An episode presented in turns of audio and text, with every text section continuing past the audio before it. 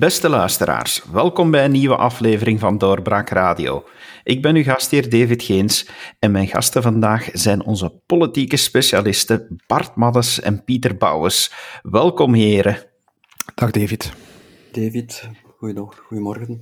We kunnen niet anders dan starten met het feit dat er, wanneer er in de VS iets gebeurt, zoals een ja, run op het kapitool, zal ik het maar noemen, en in het midden laten uh, of het nu een koe geweest is of niet. Maar ja, je ziet toch wanneer zoiets gebeurt in de VS, dat het onmiddellijk gevolgen heeft in het Belgisch halfrond en dat men dat daar ook moet bespreken en gaan toepassen op de Belgische politiek.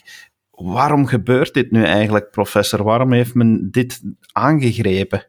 Ja, je ziet dat er een, een heel lange traditie bestaat op dat vlak. Hè. Dus de tegenstanders van het Vlaams nationalisme zijn eigenlijk heel creatief om allerlei buitenlandse gebeurtenissen aan te wenden om uh, het Vlaams nationalisme, de Vlaamse beweging in het algemeen in discrediet te brengen. Ik denk bijvoorbeeld na de verkiezingen van 2019, toen dat er heel veel sprake was van confederalisme. Um, ja, toen vergeleek men dat dan met de brexit. Dat was een periode dat er nogal wat chaos dreigde in verband met de brexit. Uiteindelijk is dat redelijk goed meegevallen. Maar toen zei men van kijk, die chaos met de brexit, als je hier confederalisme zou introduceren, dan ga je hier dezelfde chaos krijgen. Dat was natuurlijk een belachelijk argument, dat gaat over twee verschillende zaken. Um, maar de dynamiek is hetzelfde. Hè. Een, een sterk gemediatiseerde gebeurtenis in het buitenland um, instrumentaliseren om het Vlaams nationalisme in een kwaad daglicht te stellen. En dan moet ik ook terugdenken uh, aan de jaren negentig, toen um, de, de oorlog in ex-Jugoslavië um, en de, de verschrikkelijke zaken die toen gebeurd zijn in Servië en, en Bosnië-Herzegovina, dus die, die uh, genocide, dat etnisch geweld, Um, ja, toen, toen al was dat bezig. Hè. Toen, toen gebruikte men dat om het Vlaams nationalisme te stigmatiseren. En om te zeggen van kijk, kijk eens wat dat er gebeurt met dat radicaal nationalisme. Uh, je begint misschien wel met geweldloos nationalisme, maar dat, dat zal escaleren, dat zal ontaarden en voordat je het weet zitten we met een burgeroorlog uh, tussen Vlamingen en, en, en Walen. Dus er is een lange traditie. Um, op dat vlak. En, en dat is natuurlijk, uh, om, om het meteen wat open te trekken, dat, dat, wat er gezegd wordt daarover en de manier waarop dat men dat toepast um, op het Vlaams nationalisme, dat is een gevaarlijke evolutie. Hè. We zitten daar echt wel op een, op een gevaarlijk hellend vlak. Hè. Want als je vandaag zegt, um, dit is geen democratische regering, hè, de, Vivaldi-coalitie is niet democratisch, misschien wel formeel democratisch gesproken, juridisch gesproken wel, maar politiek gesproken niet. dit is geen regering waar de Vlaamse kiezer heeft voor gekozen. Dit is geen regering die een meerderheid heeft in de Vlaamse democratie, dus dat is niet democratisch. Maar dat mag je eigenlijk binnenkort al niet meer zeggen. Binnenkort vlieg je misschien wel in de gevangenis als je dat zegt. Hè, omdat men zal aan, dan, dan zal argumenteren van kijk maar eens wat dat er gebeurd is in de Verenigde Staten. Hè, als je dat zegt, ja, dan zet je eigenlijk impliciet aan tot geweld. Je, um, je, je, je trekt de legitimiteit van de instellingen uh, in twijfel. Dus dat is gevaarlijk. En dan zit je eigenlijk heel, heel dicht al bij wat we gezien hebben in Catalonië. Hè. De manier waarop men daar rebellion en sedition aan uh, het, het, het, het uh, ontlokken van, van geweld, opruiing, de manier waarop men dat daar definieert, zit eigenlijk heel dicht bij die argumentatie die men nu toepast bij ons, van als je kritiek hebt op het systeem, dan is dat eigenlijk opruiing, dus is dat strafbaar. Dus op dat hellend vlak zitten we nu in feite. Met andere woorden, er zit een gevaar in, in het feit van dat de meerderheid nu zegt tegen de oppositie: let op met wat u zegt, en dus dat wil gaan controleren, want dat kan een hellend vlak zijn om de oppositie monddood te gaan maken. ik denk dat de professor er inderdaad voor een groot stuk gelijk heeft. Ik herinner me die jaren negentig nog, waar ik mij als jong nationalist uh, altijd maar moest uitspreken over Joegoslavië. Hoewel ik daar natuurlijk niks mee te maken had. Um, Maar het is natuurlijk makkelijk. Hè? Het is de typische makkelijke politiek om een uh, gemediatiseerd event uh, helemaal op te blazen. Om daar nu een, een staatsgreep van te maken van wat er in het uh, kapitool gebeurd is. En dat dan onmiddellijk terug te betrekken op, op binnenlandse politiek. Um, eigenlijk is dat vrij steriel natuurlijk. Maar ik vind het ook wel gevaarlijk. Zoals de profe professor Maddes zegt, um, er worden dan allerlei containerbegrippen gegooid die makkelijk uitbreidbaar zijn. Uh, la besoin du cause. Uh, zoals men ook in Spanje uh, tegen Catalanen en, en ook tegen Basken dan de, de, de wetten op terrorisme gaat gebruiken. Zoals men dat ook in andere landen doet om politieke tegenstanders te, te gaan monddood maken. En, en, kijk, politiek is natuurlijk iets dat um, in wezen mensen verdeelt, omdat het gaat over verschillende opinies. En dat schijnt hier geproblematiseerd te worden. Wij hebben een andere opinie. Het is niet verboden om tegen de regering te zijn. Integendeel, dat is de, de plicht van de oppositie. Het is zelfs niet verboden om te betogen tegen een regering. Wat, dan natuurlijk beter, wat, wat je natuurlijk beter niet doet, is die regering met geweld gaan bestrijden. En dat is natuurlijk wat, wat, wat de grens is. Maar om nu te gaan zeggen, ja, ik, ik, maak mij, ik maak mij wel ernstig zorgen over het, uh, over het klimaat uh, waarin we vandaag aan politiek doen. En, en ja, er wordt vaak gewezen naar sociale media. Dat speelt daar een rol in, maar alleen maar als versterker, denk ik. Ik denk um, dat het niet erger is. Dat, ik bedoel, er zijn vroeger in verkiezingsperiodes in de jaren 30 en daarvoor doden gevallen bij, bij gewelddadige conflicten tussen partijen. Dus je moet de huidige situatie niet overdramatiseren. Maar toch zie je dat uh, partijen en grote gelijken uh, zich moralistisch alsmaar dieper ingraven. Uh, ingraven in die eigen positie van het eigen grote gelijke en de andere ja, die hebben ongelijk. En, die, en dan, wordt er met, dan, dan komt men in heel die discussie over feiten. Hè. Feitenvrij, dat is. Ik heb gisteren nog eens teruggekeken naar de, de afspraak uh, van uh, donderdagavond met Gwendoline Rutten, uh, Gerald Vannemans en professor Kermans. Um, ik vond dat een heel typerende uitzending voor wat er, uh, voor, voor hoe het, politiek klimaat vandaag is. Zeer vijandig. Uh, we zijn opnieuw precies in de jaren 80, 90 terechtgekomen. Maar waar ligt dan het grootste gevaar in? Want ja, je, kan nu een bepaald woord er gaan uitnemen die tussen meerderheid en minderheid tegenover elkaar over en weer vliegt als gevaarlijke term. En dat is de term illegitiem. Ja, de meerderheid verwijt de NVA dat ze dat niet mag zeggen. Is dat nu echt zo'n gevaarlijke term? Is die regering illegitiem volgens jullie? Maar ja, de professor heeft net gezegd, hè, op een bepaalde manier wel natuurlijk. Hè. Ze heeft geen meerderheid in Vlaanderen. Dus in Vlaanderen kan je ze ja, illegitiem noemen. Je kan discussiëren over het woord. Je kan ze minstens ondemocratisch noemen. Het is een, uh, het is een regering van, zeker aan Vlaamse kant, verliezers. Ook dat kan je zeggen. Dus ik vind natuurlijk dat, dat, dat de oppositie ook de kans moet krijgen om, om, om dat met die woorden te zeggen en om die, die regering te bestrijden. het zijn moeilijke tijden. Uh, je ziet dat uh, partijen heel, um, heel terughoudend zijn om het coronabeleid van de regering te bekritiseren. Maar natuurlijk, uh, als we ze dan ook nog het zwijgen opleggen over de manier waarop deze regering gevormd is, dan vind ik helemaal dat je de, de oppositie helemaal monddood maakt. En dat is slecht voor een democratie. Punt. Professor, vindt u ja, dat we nog in België zeggen, mogen zeggen dat België aan zich democratie nog altijd een democratie is? Maar ik wou eerst nog eens als politicoloog iets zeggen over het begrip legitimiteit en illegitimiteit, ook in antwoord op, jou, op jouw eerdere vraag. Natuurlijk, legitimiteit is een, is een heel vloe begrip hè, en staat eigenlijk ook in, in principe los van democratie. Hè. Je kunt totalitaire regimes hebben, je kunt dictaturen hebben, die eigenlijk wel legitiem zijn, in die zin ja, dat ze steunen op het vertrouwen van de burgers. Hè. Dus dat de, dat de burger vertrouwen heeft in een bepaalde dictator. Hè. En, en, en, meestal is dat ook wel zo. En, en, is het ook op die manier dat een dictator aan de macht komt, hè, door, door, door, doordat hij zich, uh, een, hij een legitimiteit, een niet-democratische legitimiteit kan, kan verwerven.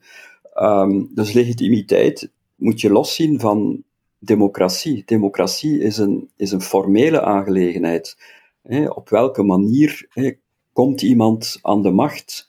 En, en gebeurt dat op een democratische manier? Uh, gebeurt dat uh, conform de, de algemene beginselen van de, van de rechtsstaat, van, de, van de mensenrechten? Um, en als je natuurlijk, zoals de Vlaamse nationalisten doen, zeggen van um, België bestaat uit twee verschillende democratieën. En ik denk dat dat de correcte benadering is. Ik denk dat er heel veel objectieve redenen zijn om dat te zeggen. België bestaat uit twee verschillende democratieën, is de optelsom van twee verschillende democratieën.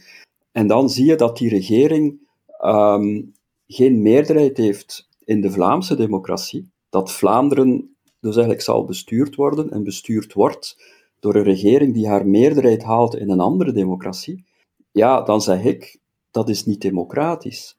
Uh, misschien verwerft die regering van Alexander de Croo op den duur wel een zekere legitimiteit. Hè? Als die goed zou besturen, um, zullen, zal het vertrouwen in die regering ook in Vlaanderen misschien groeien. En wie weet zal die regering wel de verkiezingen winnen in 2024. En dan zou je kunnen zeggen van oké, die regering heeft legitimiteit verworven bij de Vlamingen. Maar dat zal voor mij nog altijd geen democratische regering zijn. Um, en, voor, en, politiek gesproken, um, in de praktijk, natuurlijk formeel juridisch wel, hè, hoewel ik herinner mij eraan dat, dat op een bepaald moment er zelfs constitutionalisten waren, zoals Francis Delpire, die zeiden van ook formeel juridisch moet een federale regering, omwille van de pariteit in de ministerraad, op een meerderheid in de twee taalgroepen steunen. Ik ben het daar niet mee eens hè, als je de grondwet leest. Hè, dat staat daar niet in in de grondwet. Dus uh, formeel juridisch is er niets aan de hand. Maar in de praktijk, democratisch, politiek gesproken, is dat geen democratische regering. En dat is mijn, mijn mening. En ik, ik, ik vind dat ik die nog altijd mag zeggen. Hè. Dus er zit daar natuurlijk één addertje onder het gras, of een dikke adder zelfs dat is dat de NVA, die de, deze regering nu illegitiem noemt, uh, met recht en reden naar mijn gevoel, uh, zelf meegebouwd heeft aan de possibiliteit, de mogelijkheid van, van, van dit soort constructies, door die vorige Zweedse regering, die een uh, enorme minderheid aan Franstalige kant had, mee op te bouwen. dat was eigenlijk net het omgekeerde. En dan kan je zeggen, ja, Vlaanderen is de meerderheid. En op die manier wordt dat allemaal rechtgetrokken, maar je, je, je rekt op die manier uh, de mogelijkheden om, om Belgische regeringen te vormen op. En dan zie je dat dat natuurlijk, als dat één keer gebeurt dat aan de ene kant en de volgende keer gebeurt het aan de andere kant. Uh, zoveel jaar in, in het begin dat we regeringen hadden met, met de minderheid aan de Vlaamse kant, was, was dat echt een, ja, een politiek feit. Ondertussen zijn we het al gewoon dat er Belgische regeringen zijn met een, met een minderheid aan, de, e, aan deze of gene zijde. Dus ja, langs de andere kant moet, moet de NVA ook een beetje de hand in eigen boezem steken en zeggen van, wij hebben meegebouwd aan dat systeem. Is het dan nodig om de Belgische democratie te redden dat dat stukje van de spelregels zou veranderen en dat er uh, een regel zou komen die zegt dat een regering moet steunen op een meerderheid in beide taalgroepen? Maar ja, dat is het confederale model. Hè. Dus in het confederale model um, zijn er geen federale verkiezingen meer. Is er ook geen federaal parlement meer. Is er enkel ja, de optelsom van de verkiezingen in de deelstaten.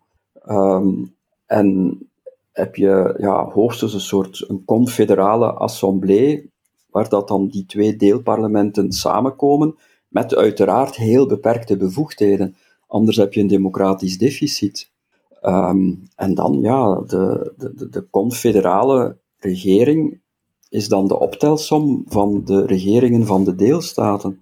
Um, dus dat is net ja, het, het confederale model waar de NVA voor pleit.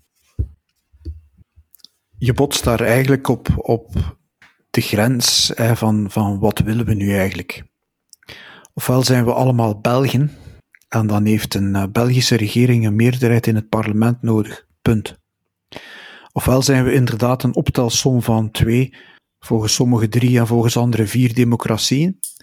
En dan moet je zorgen dat die twee, drie, vier democratieën vertegenwoordigd zijn op een juiste manier en ook een meerderheid hebben in, uh, in, in het, de, de federale regering. Het is natuurlijk zo dat, dat die hele Belgische constructie, ja, door het feit dat ja, wij met Vlamingen ongeveer al 60% zijn uh, meer van, de, van die federatie, dat, dat dat een heel scheef getrokken situatie is. Hè?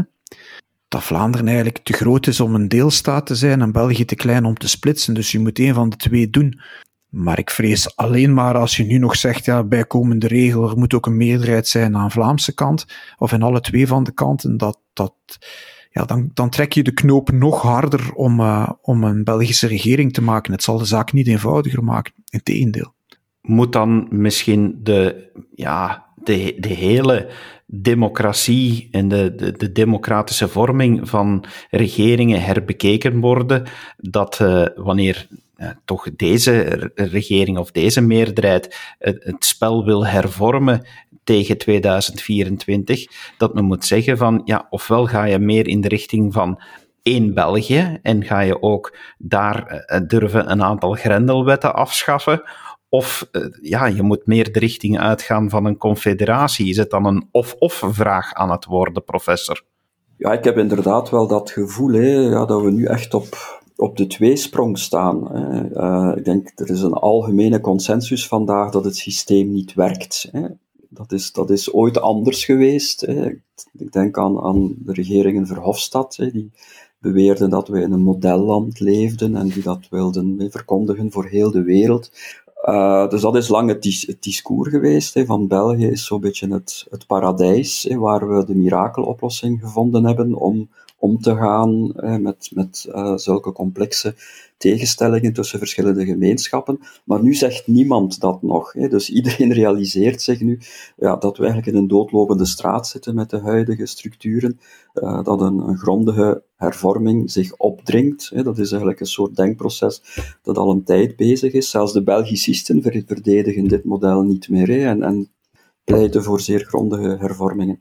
En, we staan inderdaad op een, op een tweesprong. Oftewel ga je terug naar een een sterk België hè, en een model waar dat de deelstaten ondergeschikt zijn aan uh, de federale overheid, waar je dus een normenhiërarchie uh, hebt, uh, waar belangrijke bevoegdheden ja, opnieuw op Belgisch niveau worden uitgeoefend, waar je dan maar dan moet je natuurlijk ook consequent zijn. Hè. Dan moet je ook zeggen van oké, we schaffen de pariteit in de federale regering uh, af, we schaffen de taalgroepen af. Um, in de, in de Kamer. Uh, we gaan dan ja, naar, een, naar een echte federale kieskring. Um, dus we gaan all the way eh, voor een, een, een, normaal federaal model. Dat is, dat is één mogelijkheid. Um, oftewel, ja, het andere pad is, we gaan naar een, naar een echt confederalisme, waar ik het daar straks uh, over had. Uh, waar dat je dus eigenlijk ja, probeert de instellingen zoveel mogelijk in overeenstemming te brengen met die maatschappelijke en politieke realiteit die er is van twee totaal verschillende maatschappijen met, met verschillende publieke opinies, verschillende cultuur, verschillende taal, verschillende media. Dus je hoort al wel naar welk model dat, dat mijn voorkeur uh, uitgaat. Hè. Dus eigenlijk het, het, het andere model, het meer unitaire model, is eigenlijk meer een model waarbij men probeert om in mijn ogen um, de kar voor het paard te spannen. Men probeert de instellingen zo aan te passen, bijvoorbeeld via een federale kieskring, om in feite die twee verschillende maatschappijen, de Vlaamse en de, en de, en de Franstalige, om die opnieuw geïntegreerd te krijgen. Dus dat is eigenlijk ja, een, een beetje een naïef geloof in de kracht van instituties. Als je de instituties opnieuw unitair maakt, zoveel mogelijk, dan zal de maatschappij volgen. En dan zal men die evolutie, die eigenlijk al twee eeuwen bezig is, van uiteengroeien van Vlaanderen en Franstalig België, dan zal men die evolutie opnieuw ongedaan kunnen maken. Dat is de illusie die men heeft. Dus ik geloof dat niet. Je moet instellingen aanpassen aan maatschappelijke evoluties en je kunt die maatschappelijke evoluties niet veranderen door institutionele hervormingen. Al zeker niet ja, wanneer dat maatschappelijke evoluties zijn die zo fundamenteel zijn, zoals dat uiteengroeien van die verschillende gemeenschappen in, in België. Hè. Ik bedoel, vergeet niet dat men al het mogelijke heeft gedaan in België om die evolutie tegen te houden, hè, om die twee gemeenschappen bij elkaar te houden, om die federaal, die unitaire instellingen intact te houden. Men heeft tot, het, tot 1970 al het mogelijke gedaan om federalisme te vermijden. Uh, en toch, ja, op een bepaald moment heeft men het hoofd moeten buigen voor de realiteit. En dat nu opnieuw omdraaien, um, ik denk dat dat echt nefast zou zijn en, en dat, dat, dat we eigenlijk enkel nog maar verder zouden wegzakken in het, uh, in het moeras. Eigenlijk betalen we volgens mij nu de prijs van, uh, van het verleden. Men heeft in het verleden nagelaten om uh, duidelijke keuzes te maken. Integendeel, die, die staatshervormingen die we gezien hebben, zijn eigenlijk telkens een soort ad hoc compromissen geworden. Die een probleem dat zich toen stelde, uh, probeerde op te lossen op een manier dat niemand gezichtsverlies leed. En dat was eigenlijk ook een beetje de logica, denk ik, van veel van die compromissen. Maar er zat geen lijn in, daar heeft nooit een lijn in gezeten. En daardoor kom je met uh, gewesten en gemeenschappen, uh, twee verschillende modellen van, van het land te splitsen. Bijvoorbeeld. en daardoor zit je ook met een enorme verrommeling. Het ene kotteke wordt na het andere gebouwd, Vlaamse stijl. Het is een enorme verrommeling als gevolg. En, en dat eindigt natuurlijk ergens. En ik denk, of langs de andere kant hoop ik, dat het hier eindigt en dat het tijd wordt om een keuze te maken. En dat zou misschien het voordeel van Vivaldi kunnen zijn, naar mijn gevoel. Dat is dat we bij de volgende verkiezingen een duidelijke keuze zouden kunnen hebben. Een duidelijke keuze naar, uh, als Vivaldi erin slaagt, om, uh, om met een eigen model voor België naar voren te komen. wat toch, als ik het uit de regeerverklaring heb, goed heb begrepen, het het model is, de bedoeling is van deze regering. dus in, in deze regering een staatshervorming voorbereiden en die dan in een volgende legislatuur doorvoeren. Dat wil zeggen dat wij als kiezer ons zullen daar kunnen over uitspreken. En dan zal je als kiezer een duidelijke keuze hebben uit het Vivaldi-model of andere modellen. Uh, Vlaams Belang die, die spreekt voor een onafhankelijkheid, uh, het confederale model van de NVA uh, en dan het Vivaldi-model. En dan krijg je een soort de facto herverkaveling van het, van het politieke landschap misschien ook. Hè. De Vivaldi-partijen als het gaat over het institutionele en dan de twee andere V-partijen met een eigen model. Ik hoop dat dat voor een deel een scenario zal zijn dat, dat zich kan voltrekken, omdat je dan eindelijk als, als burger en als maatschappij een heel duidelijke keuze kan maken. De vraag is, hoe duidelijk zal die keuze zijn na de verkiezingsuitslag en wat zal daarmee gebeuren? Maar op een gegeven moment moet je wel uh, als politiek naar een soort, uh, ja, niet naar een ad hoc uh, compromis gaan, maar moet je ergens een, een idee hebben van waar wil je met het land en de structuren van dit land naartoe. En dat missen we tot nu toe. Professor, Denkt u dat de meerderheid gelijk heeft dat N-VA en Vlaams Belang gevaarlijk spel spelen door verdeeldheid te verspreiden? Of uh, gaat, uh, zijn die partijen eigenlijk eerder bezig om die verdeeldheid die er is te vertalen in, in, in politiek? Ja, maar Pieter heeft het daar straks al heel terecht gezegd. Hè. Ja, politiek draait natuurlijk rond verdeeldheid. Hè. Alleen al de betekenis van het woord partij. Hè. Ja, een partij is een part van de samenleving. Dus u verzamelt burgers um, die het met u eens zijn, hè, die, uh, die uw standpunt onderschrijven. Um, en op basis daarvan ja, probeer je dat standpunt in, in realiteit uh, om te zetten uh, en bestrijd je andere standpunten, bestrijd je andere parten van de samenleving. Het hele discours rond inclusiviteit, dat waarschuwt rond verdeeldheid, Um, ook wat dat je dan ook zag, we hebben het daar de vorige keer over gehad, over heel die actie 11, een, een team van 11 miljoen en tous ensemble. Um, ja, dat heeft natuurlijk iets totalitair. Hè? Dat is een totalitaire samenleving waar men juist die verdeeldheid op een kunstmatige manier probeert, uh, probeert toe te dekken. Hè? Waar men on ontkent dat er verdeeldheid is um, in de samenleving. Um, dus dat is eigenlijk een, een gevaarlijk discours vind ik, uh, om te zeggen van um, we moeten opletten van verdeeldheid, hè, of verdeeldheid kan leiden tot, uh, tot geweld. Nee, verdeeldheid is de essentie van een democratie. Het is belangrijk om die verdeeldheid als het ware ja, duidelijk te maken voor de kiezers. Hè, omdat daarvoor dient ook een parlement, hè, om, om, om, om die verdeeldheid te illustreren, om duidelijk te maken aan de kiezer van kijk, die partij staat daarvoor, die partij staat daarvoor. Dat zijn eigenlijk de fundamentele tegenstellingen in ons democratisch systeem. En dat zijn de keuzes waarvoor je dan bij de volgende verkiezingen uh, geplaatst zult worden. En dan kan de kiezer uiteindelijk uh, beslissen en kiezen voor dat, die partij um, waarmee hij of zij het meest eens is. Hè, en dus het part van de samenleving waar die kiezer wil toe, wil toe behoren. Eigenlijk komt het wat mij betreft erop neer dat het gaat over um, in hoeverre willen wij nog geconfronteerd worden met andere politieke meningen? En hoeverre zijn wij bereid om daarmee in gesprek te gaan? Ik heb het al vaak geschreven en gezegd, maar er is een, een probleem, en ik denk een groeiend probleem in de wereld, met, met openheid naar andere meningen. Uh, er is een probleem in Vlaanderen al lang met een, een debatcultuur. Uh, heel dat discours over verdeeldheid en verbinden. De, vroeger waren het de, de niet-democratische partijen, nu zijn het de niet-verbindende partijen. Uh, en, en, dat brengt altijd hetzelfde mee. Mensen zijn, mensen hebben andere ideeën. Uh, in normale tijden kom je op feestdagen samen met de familie en merk je dat ook binnen uw familie eigen en aparte en andere ideeën leven.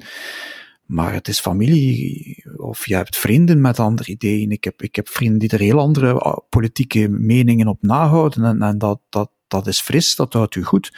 Het gevaar is dat je je opsluit in, in een bepaalde meningenbubbel. En ik heb de indruk dat, dat dat meer en meer gebeurt. Dat men meer en meer echt op zoek is naar, wij willen die andere mening eruit filteren. En dat een aantal grote bedrijven die op die meningen een industrie hebben gebouwd, daarin meegaan. Hè. Twitter, Facebook, om ze niet te noemen. Uh, wij als doorbraak hebben het ook niet altijd makkelijk bij die bedrijven. En ik, en ik, en ik ben bang dat, dat dat alleen maar erger gaat worden.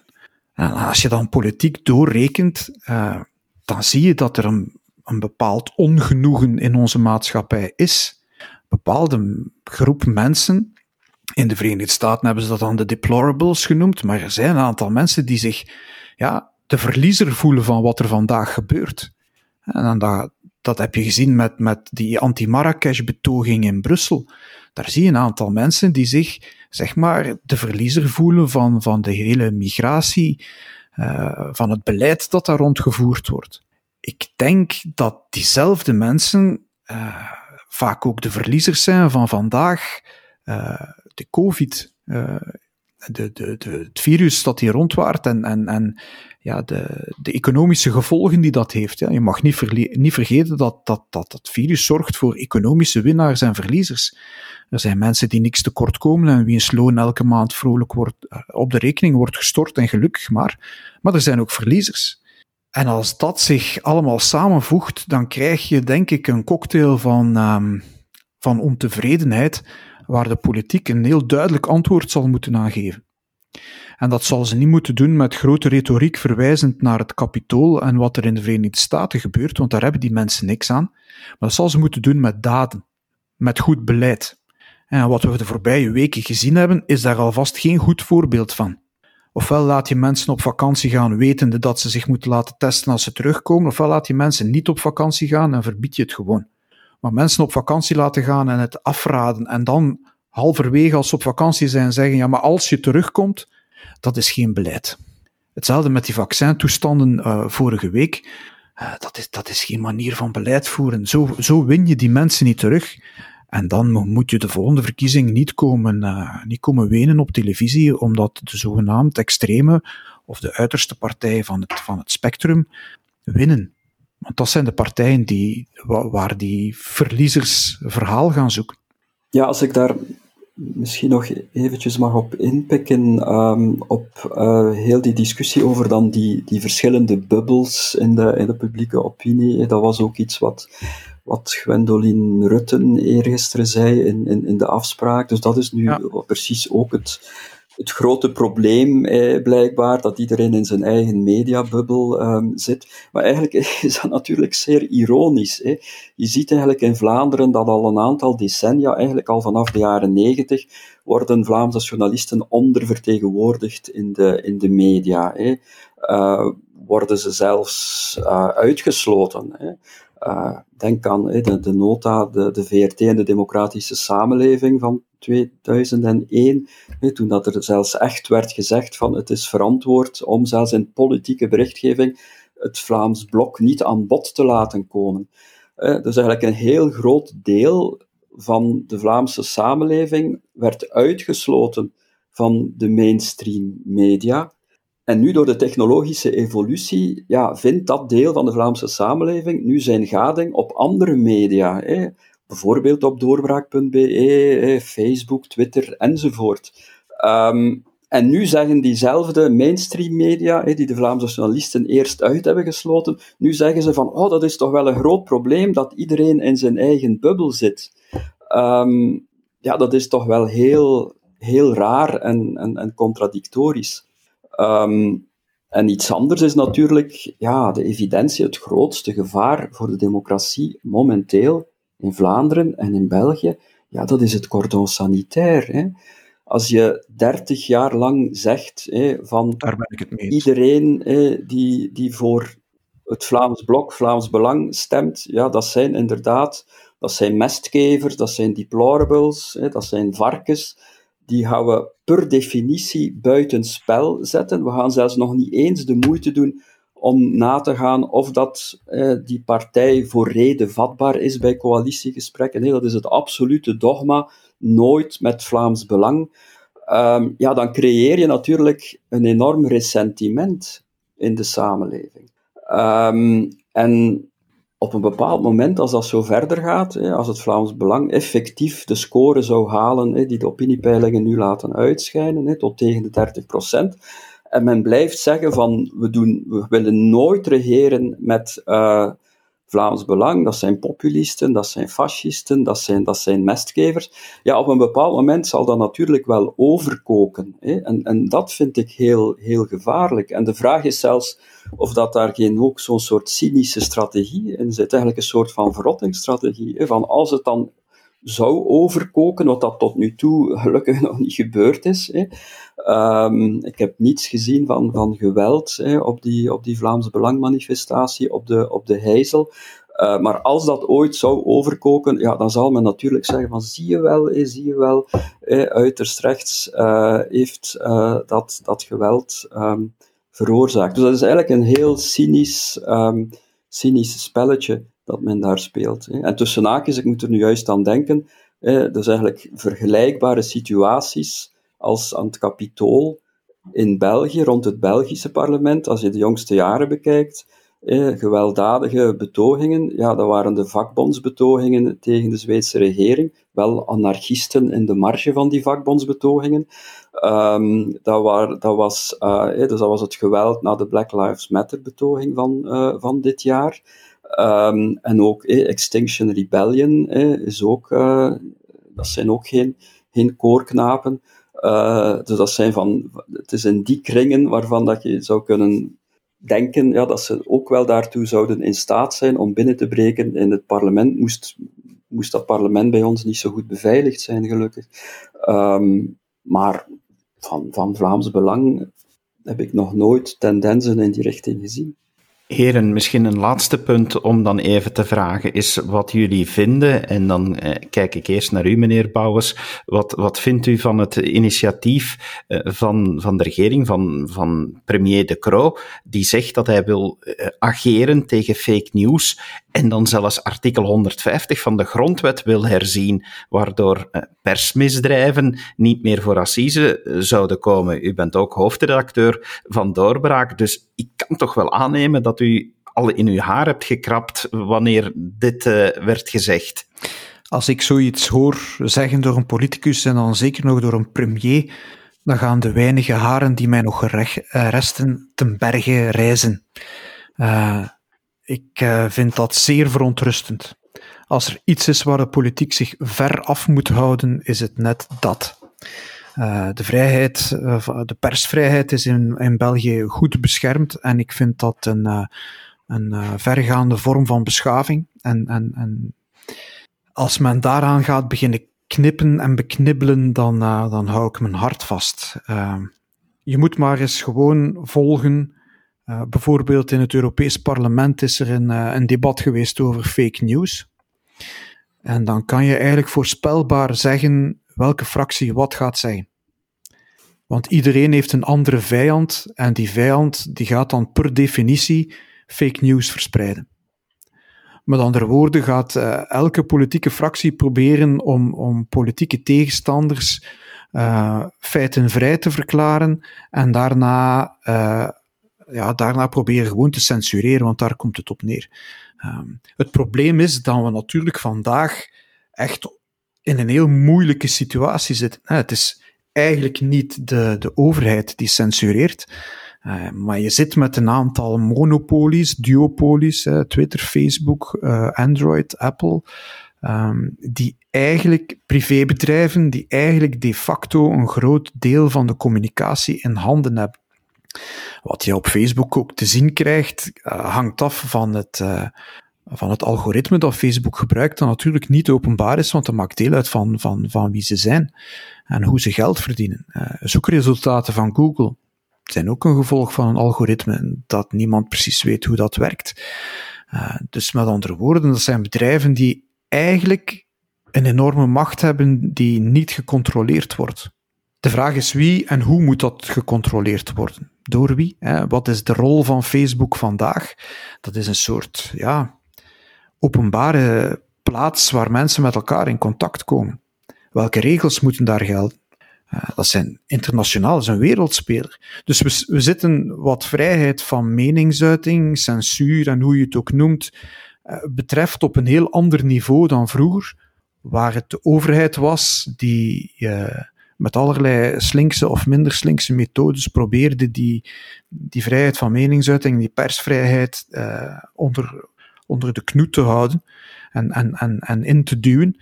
Uh, nu zien we dat er een bedreiging is door, uh, door grote internationale spelers en dat de overheid zoekt naar een rol daarin. Ik vind het niet aan de overheid om te gaan zeggen wat op Facebook al dan niet fake news is en wat wel. De vraag is aan wie is het wel? Ik denk aan ons als, uh, als gebruiker. Universiteiten willen daar ook een rol spelen. Uh, ja, het is een, het is een, het is een moeilijke discussie, omdat waar beginnen feiten, waar beginnen interpretaties, waar beginnen opinies. Het is een discussie die we zelfs op de redactie af en toe hebben. Hè, van, ja, bedoel, wat is een opinie, wat is een feit? En, en die discussie is niet altijd zwart op wit af, te, af te lijnen. Dus als de regering zich daarmee bezighoudt, dan uh, gaan bij mij alle alarmbellen af en dan zeg ik, um, politici en zeker een regering moeten daar ver van af blijven. Ja, daar komt natuurlijk ook bij um, dat we de, het jongste jaar gezien hebben, ja, dat die, die grondrechten, um, dat die toch ook wel veel relatiever zijn dan, dan dat we zelf dachten. Hè. Recht op privacy, uh, de, de, bescherming van uh, privé-eigendom, de woonst enzovoort. Dus al die, al die fundamentele rechten, ja, die, die heeft men toch vrij gemakkelijk uh, ongedaan kunnen maken.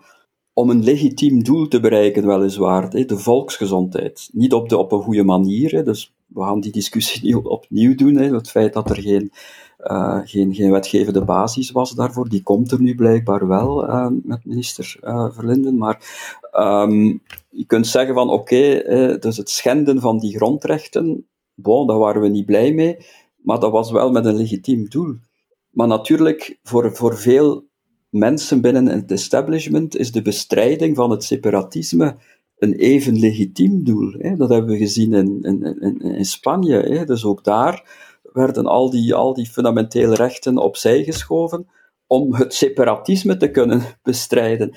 Uh, en daar had je eigenlijk een beetje het, hetzelfde discours dat dan ook wordt gebruikt voor de bestrijding van het virus. Dat was een, ander soort virus, het separatistische virus.